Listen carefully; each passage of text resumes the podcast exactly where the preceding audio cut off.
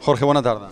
Bona tarda. Eh, La, la, des de fora, vista des de fora, ha estat molt interessant. Ja sé que tu et queixes bastant perquè allò, el, el, el teu company eh, t'ha agafat roda. No, no, es que me, no es que me queje, es que, es que la, la realidad ha sido, ha sido así. ¿no? Eh, hoy con, con una estrategia diferente, eh, seguramente Rossi sin esa, sin esa referencia pues no hubiese hecho el, el tiempo que, que ha hecho.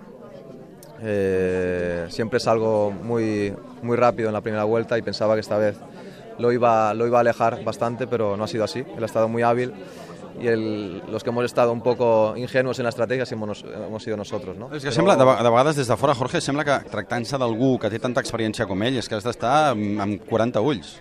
Sí, pero el formato del qualifying eh, y como quieras hacer la estrategia depende mucho de... Si quieres hacer tres neumáticos tienes que estar, tienes que salir a tope, ¿sabes? Si no no te da tiempo, y más en este circuito tan largo.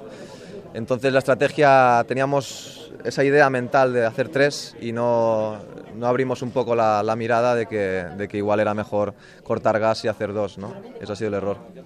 Bueno, en qualsevol cas, un supertemps i amb ritme com per sortir a guanyar. Sí, sin duda, estoy, estoy contento con mi tiempo porque ha sido espectacular, no, no, no esperaba ir tan rápido.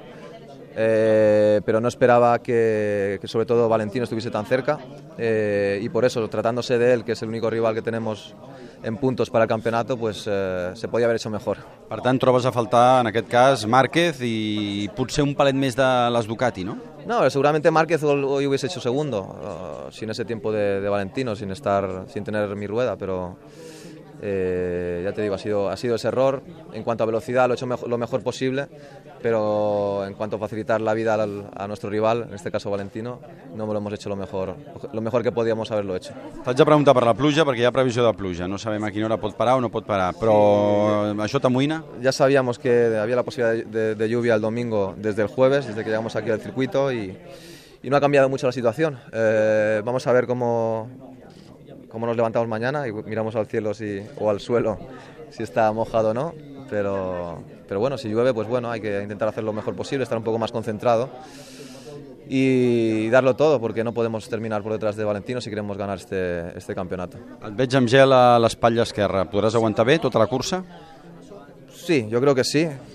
Quizá no pueda forzar como normalmente con el brazo izquierdo lesionado y eso hace forzar un poco más el otro que, que está bien, pero, la verdad es que puedo estar muy contento porque hace cinco días no, no pensaba estar así en este momento. Sort, Jorge. Gracias.